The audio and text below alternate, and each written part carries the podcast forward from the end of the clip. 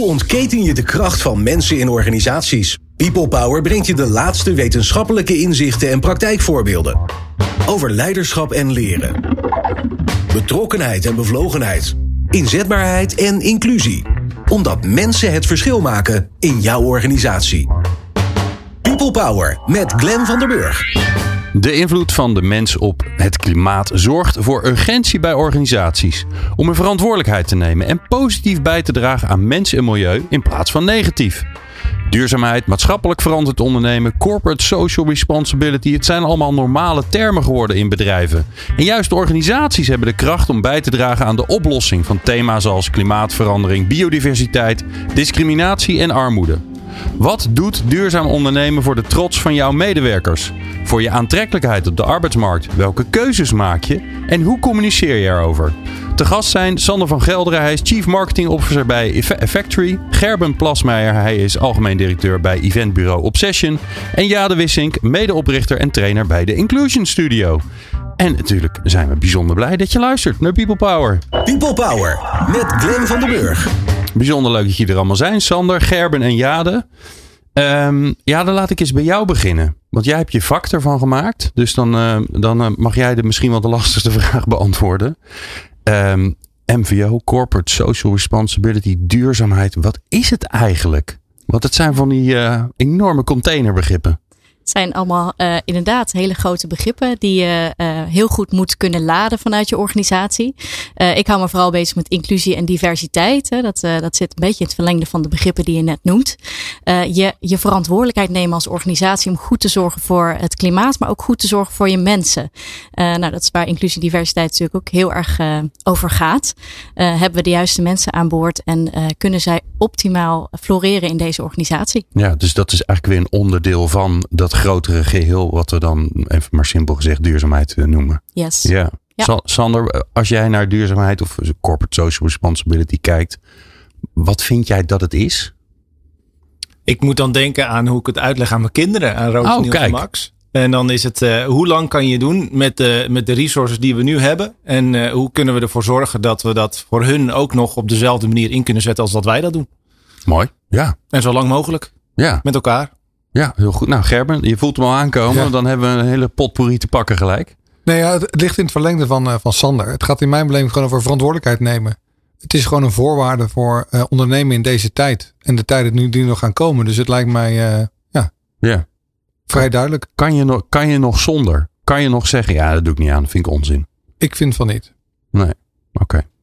Sander, kan je nog zonder als je het hebt over hoe medewerkers naar hun eigen bedrijf kijken, wat ze belangrijk vinden. Want daar doen jullie natuurlijk onderzoek naar ja, bij Factory. Ik denk niet dat je zonder kan. Um, en het heeft een soort uh, zelfhelend effect.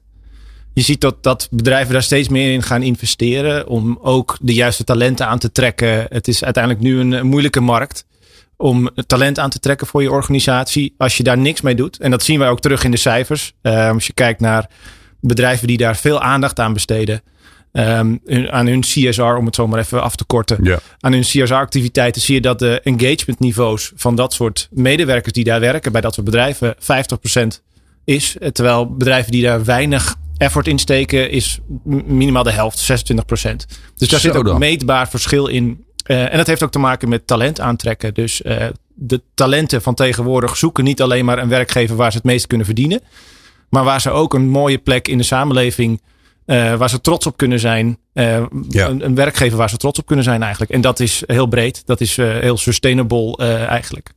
Ja, en dat hoor je natuurlijk vaak. Hè? zeker jongere mensen, millennials. misschien ook al generatie Z heet ze volgens mij. Ja. Die komen ook langzaamaan een beetje de arbeidsmarkt op. Ja. die komen niet meer als je, als je de, de planeet naar de knoppen helpt. En niet goed voor je mensen zorgt. Zie je dat dan ook terug aan hoe medewerkers via jullie, al jullie surveys, alle dingen die jullie doen, uh, ze teruggeven wat ze belangrijk vinden? Eigenlijk is dat de, de, de, volgende stap. En als ik dat dan vergelijk, als ik even naar mezelf kijk of naar onze eigen organisatie, is dat precies de manier waarop we dat nu doen met een soort CSR-project. En dat is vragen bij je medewerkers van wat vind je nou belangrijk? Ik denk dat de tijd ook voorbij is dat je als werkgever gaat dicteren van dit is wat we gaan doen op het gebied van duurzaamheid. Uh, je moet juist gaan vragen aan je medewerkers van wat is belangrijk en uh, wat vinden jullie belangrijk en hoe kunnen we daarop inspelen? Want ja, het is niet een bedrijf die het doet. Dat is maar een, een, een juridische entiteit op papier. Het zijn de mensen die er werken. Die uiteindelijk het verschil moeten maken. En als je die meekrijgt, en die moet je meekrijgen om het verschil te kunnen maken. Dan moet je eerst gaan vragen: oké, maar wat vind je dan belangrijk? En als we dat niet doen, als we daar niet, niks in aangeven, ja, dan wordt het lastig. Dus Ja, ja. begin daarmee, zou ik zeggen. Ja, dus eigenlijk al de eerste gouden tip. Die zit al helemaal aan het begin van het programma. Dat is vragen. Nee, dat is heel mooi. Er komen er nog meer. Niet nu, niet nu wat anders gaan luisteren.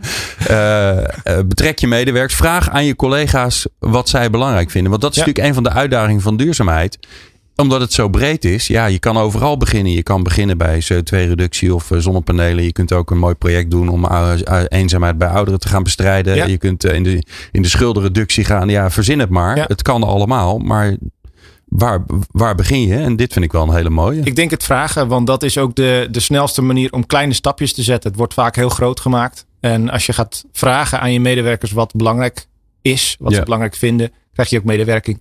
En dat kan diversiteit en inclusie zijn. Dat kan eh, eh, nou, eigenlijk alle assen van duurzaamheid. Ja. Nou, sterker nog, de- wat jij nu zegt is eigenlijk een vorm van inclusie. Ja. Het Nou. feit dat je je mensen betrekt en dat je ze ook daadwerkelijk eh, bevraagt. En dus je vervolgens- doet aan duurzaamheid door te vragen aan je medewerkers wat ze willen doen aan duurzaamheid. je doet aan Een soort inclusie als drosten, je... Ja, drosten-effect. precies. Ja, ja, ja, ja. Ja, mooi. Dat, dat helpt hè, als je mensen deel, deelgenoot en deel-eigenaar maakt van het, het gemeenschappelijke probleem. Eh, dan voelen ze zich betrokken en dan hebben ze ook het gevoel dat ze zelf een steentje bij kunnen dragen. En dat werkt Hm. ook weer inclusie in de hand. Dus Cool. dat is eigenlijk een heel mooi voorbeeld wat jullie Ja. doen, eh, Sander. Dank je. Mooi. Ja. Nou, de eerste veren worden ook uitgedeeld. Het gaat heel goed. Het wordt heel gezellig hier in de studio. Ehm, maakt het nog uit? Zie je nog verschil tussen eh, soorten werknemers, leeftijden, man, vrouw, eh, in, in wie er duurzaamheid of CSR belangrijk vinden? Maakt dat nog uit? Eh, als ik kijk naar de. En het grappige is dat er. Je hebt een beetje eh, pre-pandemic, om het zo maar te zeggen, en post-pandemic. Voor de, voor de, eh, de COVID-pandemie, zeg maar, zag je dat daar verschil in zat. Dat de jongere generatie daar veel bewuster van was.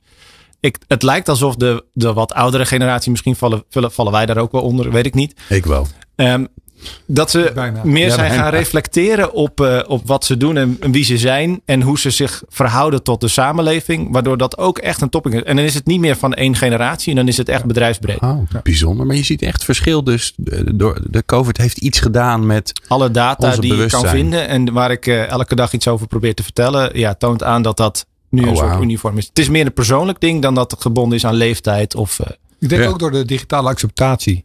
Dat we moesten tijdens de pandemie anders ons werk gaan doen, anders gaan inrichten. En die digitale acceptatie, eh, bij de, zeker bij de oudere doelgroep, eh, daar, daarmee hebben we ook gezien dat het, dat het anders kan. En er zijn klanten van ons die hebben gezegd, ja jongens, we gaan ook na de pandemie 80% van ons reisbudget bijvoorbeeld, ja, dat, dat blijft gewoon, eh, gaan voor andere dingen inzetten, maar niet meer om te gaan reizen. Want Ja. ja. je kan gewoon eh 80% van je activiteiten digitaal afhandelen. En natuurlijk Hm. moet je elkaar zien. En ik hoop genoeg nog steeds, want dat is onze business. Maar aan de andere kant is het ook zo dat je heel veel dingen, informatie overdrachtelijk, gewoon op, op afstand kan doen met elkaar. Dus daar hoef je niet meer voor te reizen. Dus ik denk dat er zeker een grote verandering is. En dat die vooral zit bij de oudere doelgroep, omdat die nou, daarvoor nog niet zo digitaal savvy waren als dat ze nu allemaal wel zijn. Ja. Nou, nu toch lekker aan het praten ben, Gerben. Ehm, ehm, hoe- wat, wat doen jullie als, eh, want ik zeg maar even dat jullie een eventorganisator zijn. En jullie doen vast allemaal nog veel meer dingen. Maar dan hebben mensen in ieder geval een idee wat Ja. jullie ongeveer doen. Waar, wat doen jullie dan aan MVO? Nou, eigenlijk, keuzes maken jullie? ja, eigenlijk zijn wij begonnen toen 15 maart die beroemde persconferentie was. En dat Mark Rutte zei, jongens, je mag niet meer, tenminste voor ons was dat heel, heel duidelijk, je mag niet meer aan het werk. Hè, de dag daarna. Dus ik, de dag daarna kwam ik op kantoor en ik zei dat laatst nog tegen, hè, het voelde als een beetje als een, als een boer waarvan zijn stal geruimd was. Hè. Al het licht was uit, de verwarming was uit. En toen moesten we gaan, eh, gaan nadenken wat we gingen doen. En een van de twee dingen die ik toen tegen mijn team heb gezegd is, jongens, we gaan, iedereen houdt zijn baan. In ieder geval tot het einde van het jaar. Ehm, Verstandig. maar ik wil wel, want ik wil de rust creëren. En ik zei, ik wil twee dingen met jullie gaan oppakken. En één daarvan was, ik wil, als we hier uitkomen met elkaar, het meest duurzame evenementenbedrijf van Nederland zijn. Of worden, of onderweg zijn in ieder geval. Ik wil die reis gestart zijn. Dus dat maar nu moet je me even helpen. Want er gebeurt iets vreselijks. Je kan je werk niet meer doen. Eh, degene die het het meest, ehm, fi- meeste financiële onzekerheid heeft, dat ben je zelf. eh, als, als leider van de tent. Ja. Je doet twee dingen. Je zegt tegen je mensen, ik zorg voor zekerheid. Dus tot het einde van het jaar hoef je je geen zorgen te maken. En je gaat investeren in duurzaamheid. Waarvan het nadeel van duurzaamheid is dat voor veel mensen denken nog, dat is duur. Want het is duurzaamheid. Ja. Wa- waarom die keuzes? ik, ik had een paar jaar geleden ervoor een keer een grote opdrachtgever van ons, die, uh, die uh, waren we verloren. En toen heb ik ook tegen mijn team gezegd, iedereen blijft zitten. We gaan juist de tijd en ruimte die we krijgen van, van, van deze situatie, doordat we gewoon die klant nu niet meer hebben, gaan we investeren in onszelf. En dat heeft ons toen de tijd zo'n gigantische voorsprong gegeven. Dat, dat, een soort, soort eh, acceleratie in het team heeft dat teweeg gebracht. Hmm. Dat ik dacht, ja, nu, ik ga gewoon hetzelfde doen. Uh, we hadden goed gespaard en we stonden er goed voor. Dus ik zeg, nou, tot het einde van het jaar blijft iedereen gewoon zitten. En dan gaan we gewoon zorgen dat als we eruit komen, dat we er gewoon sterker uitkomen. Wauw. Nou, dat is een petje af. Ja, dat noemen ze. Dat is volgens mij ook duurzaam ondernemen. Um, uh, ja, ik zit even aan jou te denken, want inclusie en, en diversiteit is dan weer onderdeel van duurzaamheid. Waarom is dat eigenlijk? Dus de, wat, wat is daar duurzaam aan? Um, nou, het gaat, Sander zei het net al een beetje, de war on, talent. Het gaat er ook om dat je je mensen weet te behouden. Dus als je dan dat talent geworven hebt, en of dat nou gaat over uh, talenten in topposities of, uh, of mensen die net uh, als starter op de arbeidsmarkt komen, weet ze maar eens te behouden en wees daarin.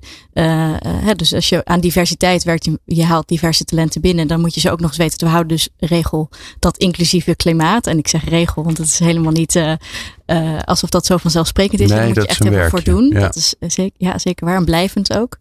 Um, uh, maar je kan je voorstellen dat als jij mensen binnenhaalt en je bent ze ook heel snel weer kwijt, dat dat ook heel veel, nou even zakelijk gezien, heel veel geld kost. Heel veel inspanning heeft gevergd van mensen. Ja. Um, dus het is ook heel duurzaam als jij je mensen weet te behouden uh, voor het bedrijf, voor de mensen die je aanneemt, maar, maar ook gewoon financieel. Dus het heeft zeker wel ook met elkaar te maken ja. uh, om een duurzame organisatie te zijn. Als je je talent goed weet te behouden en te laten doorstromen naar plekken waar je uh, ziet dat ze het beste ja. uh, voor het bedrijf ook kunnen zorgen. En is daar dan ook onderdeel van dat je mensen uitnodigt die misschien wat minder mogelijkheden hebben op de arbeidsmarkt? Of sterker nog, die gewoon keihard gediscrimineerd worden? Want dat is natuurlijk ook gewoon gaande. Als jij een, een, een Arabisch klinkende achternaam hebt, heb je gewoon een probleem. Uh, dat Ingewikkelder is, is, het niet. Ja, de, ja. Daar, daar worden heel veel pilots mee gedaan. Hè, met uh, anoniem solliciteren. Dat namen of, of foto's uh, niet meegestuurd worden met sollicitatiebrieven of cv's. Um, het is ook je verantwoordelijkheid als organisatie om iedereen een plekje in, in de organisatie te kunnen geven. En je ziet dat vooral veel bij overheden echt een harde vereiste is. Maar ik geloof ook zeker dat het bij, in het bedrijfsleven ook steeds meer uh, een van de uh, criteria wordt om, om te werven en om mensen binnen te halen die misschien een afstand tot de arbeidsmarkt hebben of uh, anders gediscrimineerd worden. Ik ben heel benieuwd bijvoorbeeld hoe het nu met de Oekraïense vluchtelingen zal gaan. We zitten natuurlijk van de ene crisis in de ander. En dit is ook een crisis die, die ons werk zal gaan beïnvloeden in de zin van, van talenten in een vluchtelingensituatie geven we deze mensen allemaal een plekje? Uh, waar zullen ze landen? Uh, nou, dat zijn mensen die ook allemaal hele mooie opleidingen of, of beroepen hebben uitgeoefend in hun eigen land. Uh, nou, staan we daarvoor open? Kunnen we die ook een plekje geven in de samenleving? Ja. En sterker nog, het, het, ehm, er is berekend dat in 2040, nee, moet goed zeggen, in 2050 40% van de beroepsbevolking in Nederland een, uh, met een migratieachtergrond, mensen met een migratieachtergrond zijn. Dus als je nu niet op die car stapt van uh, talent uit andere uh, delen van de wereld binnenhalen, om maar even een van de voorbeelden te noemen, hè, als het gaat over diversiteit, dan mis je gewoon de boot. Ja. Ja, en als je ver genoeg terug gaat, hebben we allemaal een migratieachtergrond. dat is ook zeker. ja, er is niemand meer die. Nee. We zijn met 17 miljoen diverse mensen en ja. moeten we nog inclusief worden. Ja, ja dat, uh, wat dat betreft is het wel eens leuk. Mijn zoon heeft zo'n uh, zo'n uh, DNA-test gedaan. Nou, als je dan ziet wat, wat, wat, er allemaal in je bloed zit, waar het allemaal vandaan komt en hoe het verspreid is, dat is uitermate grappig. Dan blijkt je dus ineens verbonden te zijn met ja ja, met allerlei plekken in de wereld. Maar dat is ook, dat is ook een interessante trend. Hè? Want het CBS wil ook westerse migratieachtergrond uh, gaan loslaten als term. Uh, en want westers is ook Japans en Indonesisch, om maar een voorbeeld te noemen. Dan ben oh, dat is westers. heb je een westerse migratieachtergrond. Terwijl hmm. qua cultuur zijn dat toch echt hele andere culturen. Ik wou net zeggen, ja. Uh, dus ja, wat, wat, hè, wat noem je dan nog iemand met een migratieachtergrond en hoe ver ga je terug en wat is dan westers en niet westers? Nou, daar wordt dan nu al het onderscheid in, in opgegeven. Ik ben benieuwd wat dat nou, gaat Alright. betekenen. Waar ik het zo heel graag met jullie over heb, uh, is um, uh, hoe je eraan begint. Uh, of als je eraan begonnen bent, hoe je er versnelling in aanbrengt. Welke keuzes je maakt. En ja, hoe je ervoor kan zorgen dat je je impact kan vergroten. En dat hoor je zo. Betere prestaties en gelukkige mensen. People Power. Sander van Gelderen van Effectory, Gerben Plasmeijer van Obsession en Jade Wissink van de Inclusion Studio in de studio. Ehm, ja, voordat we zeg maar echt eh, erin gaan duiken en gaan kijken van wat kan je doen, waar begin je enzovoorts. Misschien even handig om even wat concrete thema's langs te gaan als we het hebben over duurzaamheid. Nou, uh, inclusie, die hebben we volgens mij, Jade. Of welke, welke wil je er nog aan toevoegen? Nou, als je, als je kijkt naar hoe je een inclusief klimaat uh, gaat creëren op de werkvloer, hè, waardoor je dus duurzaam je mensen behoudt, uh, is het ook wel goed om even te kijken naar wat voor uh, type diversiteitsassen heb, heb je waar je allemaal rekening mee moet houden als het gaat om, om het inclusief maken van je werkklimaat. Ja, dan moet je even uitleggen wat diversiteitsassen zijn. Want ja, precies. Nu, we denken heel vaak, we hadden net wielen vormen met assen ertussen. Ja, precies. Nou, het, ja, kruisbestuiving tussen van alles nog, want je bent nooit één. Ik ben niet alleen maar vrouw, ik ben niet alleen maar 37 en ik ben niet alleen maar iemand die uit de rand komt, maar ik ben een heleboel dingen. Uh, of assen of diversiteitskenmerken heb ik. Um, maar waar het om gaat is dat je, hè, we hadden net heel even uh, uh, in de, het vorige blokje aangestipt dat het ging over um, de afkomst, hè, je, hmm. je, DNA, je geografische, geografische afkomst. maar het gaat over veel meer zaken. En de meest obvious dingen zijn natuurlijk gender of leeftijd of nou, die, die biculturele achtergrond. ja, al of mensen niet. met een handicap enzovoort. Ja. ja, en de LHBTI community kan ja. een heleboel voor de hand liggende. Maar waar het ook om gaat in, in organisaties om te kijken naar het doorstromen van je talenten en daarin zorgen dat iedereen de hè, gelijke kansen heeft. Uh, nou, hoe, hoe lang werk je al bij een organisatie? Is jouw salaris navenant omhoog gegaan uh, met andere mensen in de organisatie die op hetzelfde moment zijn binnengekomen? Of zie je daarin dat bepaalde groepen worden uh, achtergesteld of minder kansen hebben gekregen? dus, dus ook dat, hè, dat doorstromen is bijvoorbeeld een, een, een diversiteitsas waar we niet heel snel aan denken. Dus ja. om maar even, als we zo het gaan hebben, misschien over wat voor stappen kunnen we zetten, wat voor impact willen we maken? Ja, en in mijn, op mijn hoofd ontstaat nu een soort enorme grote uh, mindmap. Die begint bij duurzaamheid en daar zitten allemaal takjes aan. Hè? Dus we hebben, de, nou ja, we hebben de CO2-uitstoot en het beperken van je impact op het milieu. Nou, daar, daar zit al van alles nog wat achter. En een van die takjes is ook uh, diversiteit en inclusie. Nou, daar komt nu ook een hele brei achter.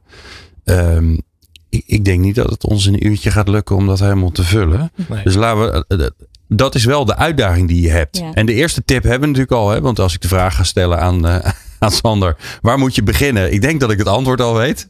Toch, Sander? Ja. Vraag je, vraag, vraag je medewerkers. Aan je, medewerkers. Maar ik denk dat, ja. uh, ik denk dat uh, um, ja, awareness, zoals dat dan heet in, in het Engels. Dus um, hoe zeg je Bewustzijn dat? Bewustzijn, dankjewel. Dat dat echt al een hele belangrijke eerste stap is. Want um, nou, we hebben, het, uh, we hebben het wel eens over de, ja, je noemde de SDG's al, de 17 SDG's van de UN, van de Verenigde ja, Naties. De Sustainable Development Goals. De Sustainable Development Goals voor uh, een eerlijkere en betere wereld in 2030. Ook al aan de hand van het klimaatakkoord van, uh, van Parijs.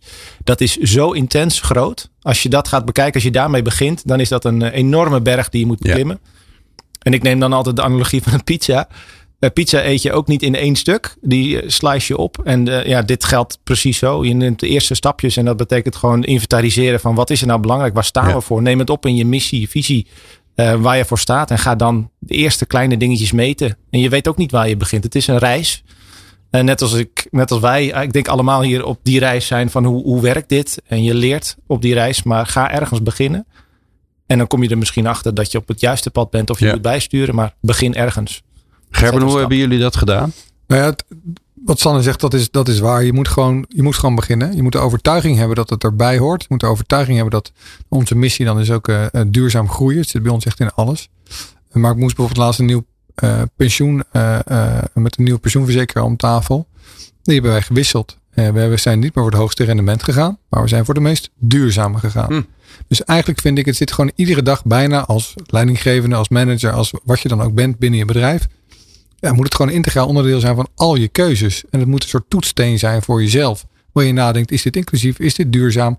Kan het beter? Kan het anders? En, en wat ik er heel erg mooi aan vind eigenlijk, is dat het een soort, ja, ik vergelijk met open source.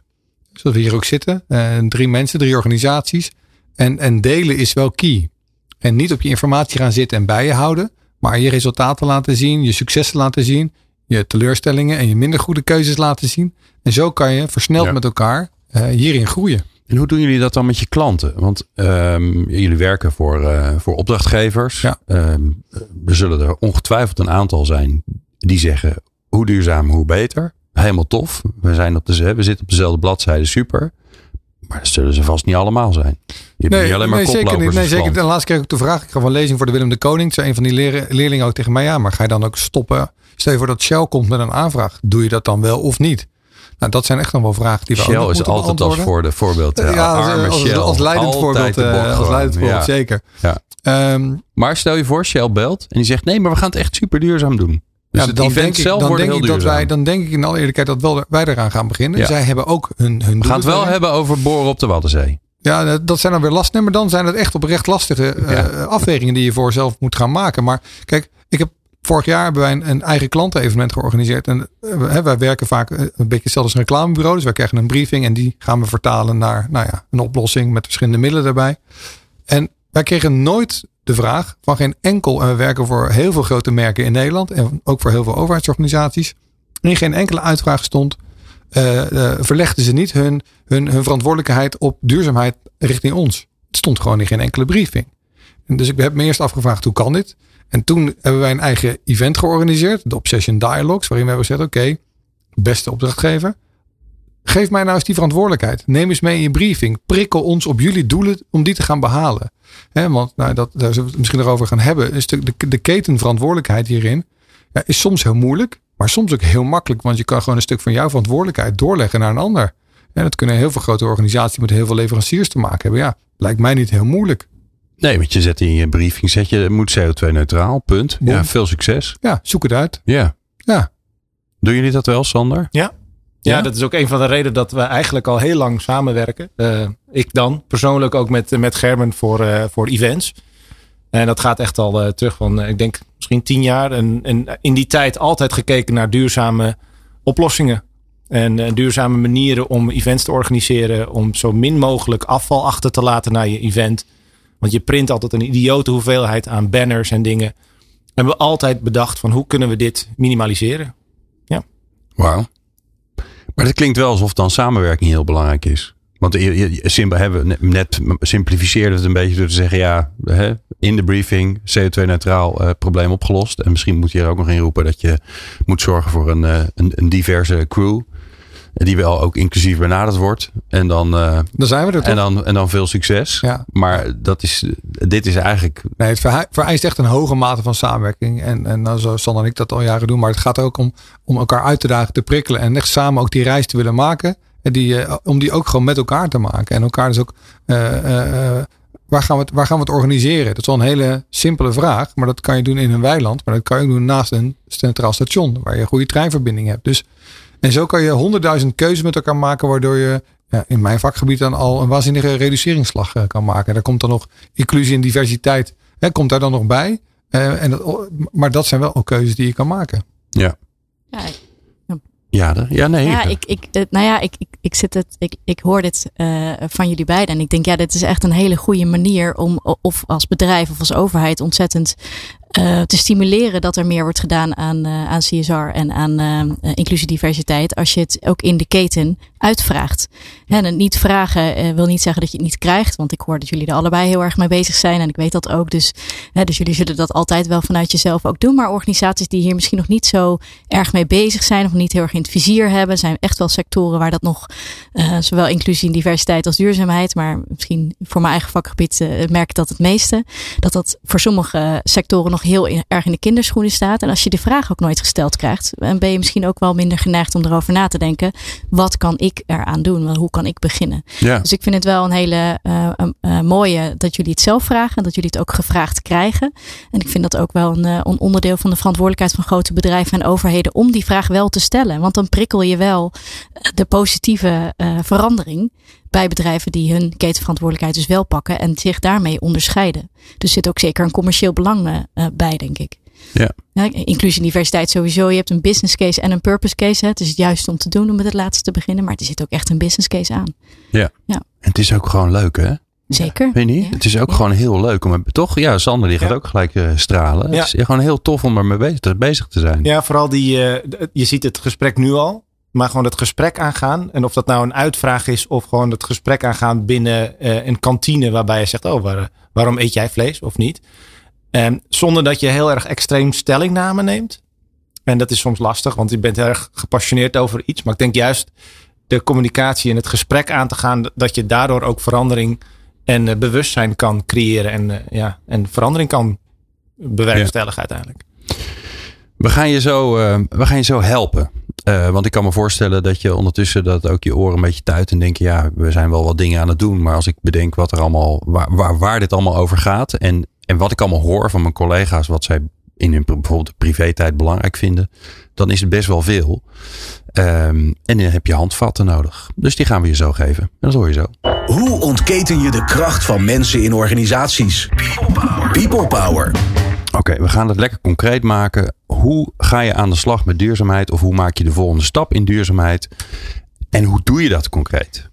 met je collega's. Dat is al uh, les 1. Die zat al helemaal aan het begin. Dus uh, we, we, doen, we doen het met de collega's. Dus we vragen aan de collega's: wat willen jullie dat we gaan doen? Maar volgens mij, Glenn, zodat ik je ja. onderbreek, gaat het over: je moet die vraag altijd stellen.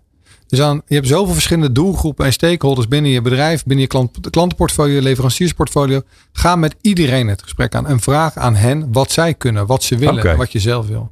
Oké, okay, dus uh, vraag het aan al je stakeholders. Dus vraag, vraag het ook aan je klanten, je leveranciers. Wat vinden jullie belangrijk dat wij gaan doen? Absoluut. Alright. Nou, dan, dan krijg je een potpourri aan. Nee, ik ga er nog niet heen. Want nu denkt iedereen, ja, hoe ga ik dat dan vragen? Dus hoe ga je dat überhaupt vragen? Doe je nou enquête? Uh, stop je ze in een hok met z'n allen? Ga je bij iedereen langs? Hoe hebben jullie het gedaan, Sander? Het gaat gesprek aan, dat ten eerste. Hoe wij het okay. zelf hebben gedaan binnen Factory is uh, als onderdeel van het uh, medewerkersonderzoek hebben we eigenlijk uitgevraagd hoe kijken jullie ten aanzien van de huidige initiatieven van Effectory op het gebied van sustainability. Um, en daar kwam heel veel informatie uit. Um, zowel positief als negatief. Maar uit die informatiebak heb ik een aantal uh, prioriteiten gesteld. En uh, het gaat over zichtbaarheid. We doen al heel veel dingen. We doen eigenlijk al 25 jaar lang heel veel goede dingen. Maar dat is heel erg gefragmenteerd over het bedrijf. Dus dat wilde ik gaan structureren, zodat het zichtbaar is. Zodat mensen ook trots kunnen zijn op hetgeen wat we eigenlijk doen al. Um, dus dat is één ding. En ik heb het eigenlijk in drie vakken gedeeld. Um, en dat noemen we MAX. Heel simpel. Dat het ook makkelijk te vermarkten valt. Ik ben Max? uiteindelijk ook een marketeer. Ja, Max. M-E. X. MEX. Ja. Oké. Okay. Um, de, de M staat voor de, onze missie. Dus we zijn uh, missiegedreven vanuit het feit dat we geloven dat je organisaties kan verbeteren van binnenuit. Dus vanuit je medewerkers. Um, dan hebben we de E van environmental. Dus wij willen zorgen dat we uh, zo weinig mogelijk CO2 uh, uitstoten. Dat we uh, afval scheiden. Nou, dat zijn allemaal initiatieven. Ja. En dan hebben we de X van Xenia, heb ik dat genoemd. Dat is de Griekse, het Griekse concept van um, gastvrijheid omdat we, nou, uit de survey bleek dus dat er een hoop collega's heel veel belang hechten aan diversiteit en inclusie. Aha. Nou, dan hebben wij dus die drie onderdelen eigenlijk geagendeerd op basis van de input van onze eigen medewerkers. En dat zijn nu de kapstokjes waar we alle initiatieven op gaan hangen. En het ook uh, ja, wereldkundig kunnen maken vanuit het idee van ja, dit is onze max. Dit is ons overzicht waarin staat wat we doen. Uh, zijn we daar? Nee, daar zijn we nog lang niet. Um, en één ding dat we daaraan toevoegen is ook, en dat is nog niet het geval, maar ESG.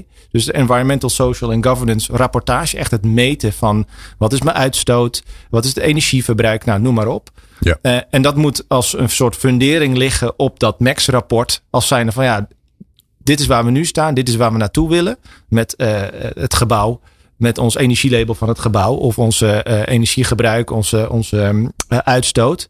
En dit is waar we naartoe willen.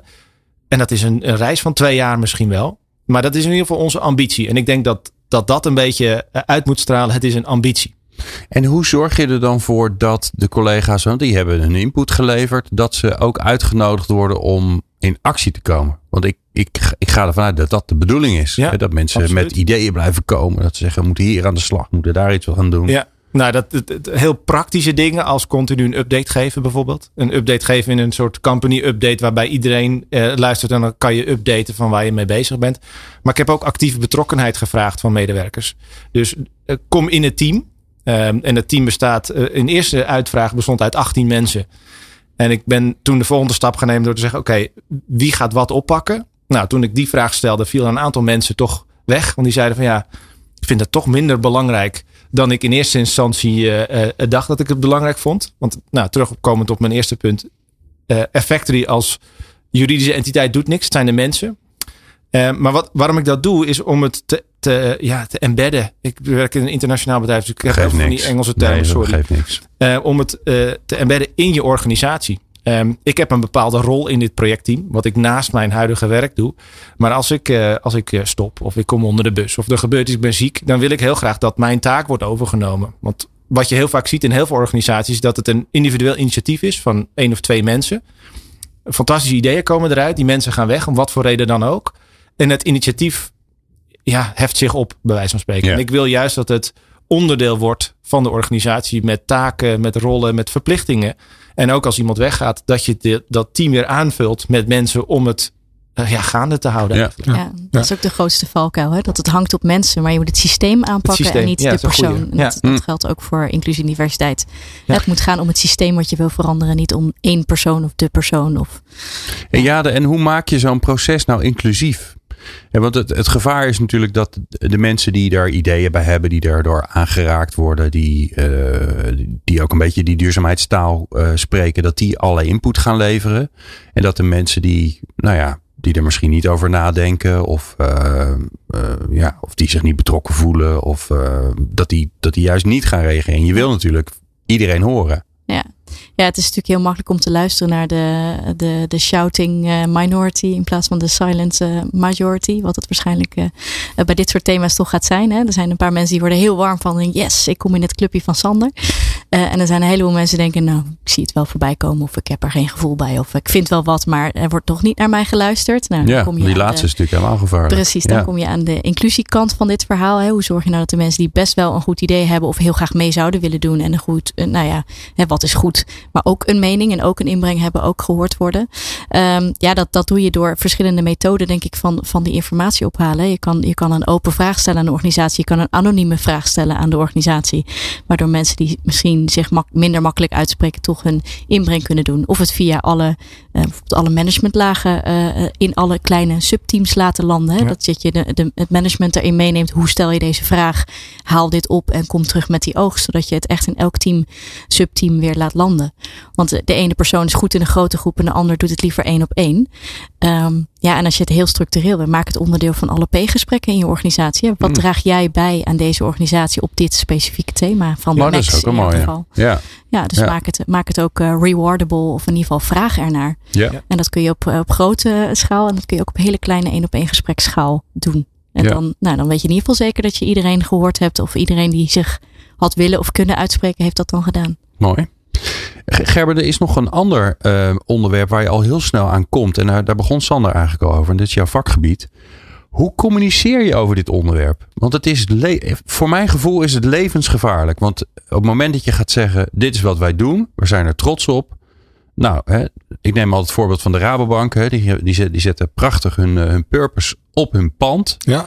Eh, nou ja, feeding the world, dat is zeg ik maar even simpel gezegd. Dat is het niet, maar het kwam erop neer. Wij helpen eh, dat honger, honger de wereld uit. Fantastisch doel. Doen ze al jaren. En die kregen me daar een hoop stront over zich heen. Want ja, te grote broek aangetrokken. En ondertussen deden ze nou alle, alles wat er mis was, kregen ze over zich heen. Ja. Dus hoe doe je dat? Nou, stap 1 is ga beginnen. Want, en, en vervolgens moet je heel goed gaan nadenken als je bent begonnen. Want iedereen moet gewoon gaan beginnen. Eh, eh, want er is geen excuus om niet te beginnen. Ehm, en daarnaast moet je, denk ik, heel voorzichtig, heel voorzichtig. Je moet met je mensen, met je team, eh, alle ideeën, dat plan, die doelen. Bij ons zit het gewoon ja, in de strategie. Het is gewoon een integraal onderdeel van wie wij zijn. Het zit gewoon elke dag is het bij ons en, en zijn we ermee bezig. En, en, en, en als je er zo naar kijkt en je gaat er zo mee om. En ook laat zien dat het een reis is, dat fouten maken mag. Dan is er toch niks aan de hand. Dus eh, stel jezelf wel goede en harde doelen. Dus we hebben gezegd, nou 2025 is ons kantoor 100% klimaatneutraal. Nou, dat is relatief makkelijk. 2030 willen wij alle projecten voor onze opdrachtgevers klimaatneutraal hebben. Wauw. Nou, dat Ja. is echt een hele heftige. En daar zitten we eigenlijk elke dag in. En drie was voor ons een ja, compensatieprojecten. Dus ik ben nog heel lang bezig geweest met een eigen voedselbos. En kijken of dat de moeite waard was of niet. En uiteindelijk schrok ik van hoeveel CO2 we daarin kwijt konden. Dus dat was veel te weinig. Eh, dus uiteindelijk zijn we, hebben we nu andere keuzes gemaakt.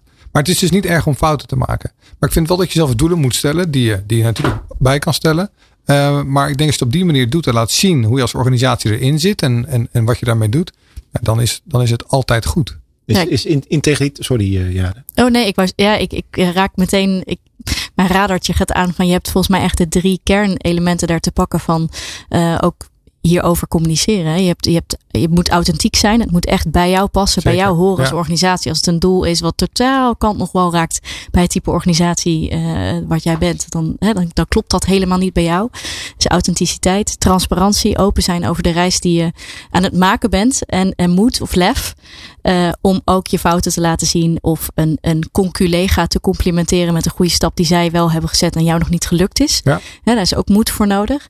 Uh, dat zijn drie hele uh, ja, mooie voorwaarden om dit ook te doen slagen. En die heb je eigenlijk net allemaal wel geraakt. Dus daar werd ik even enthousiast van. Wat een geweldige samenvatting en een mooie drieslag. Dus dat is een mooie, mooie toevoeging. Ja, dat dank je wel. Waar ik als laatste eigenlijk met jullie over wil hebben is ook een beetje naar de toekomst kijken.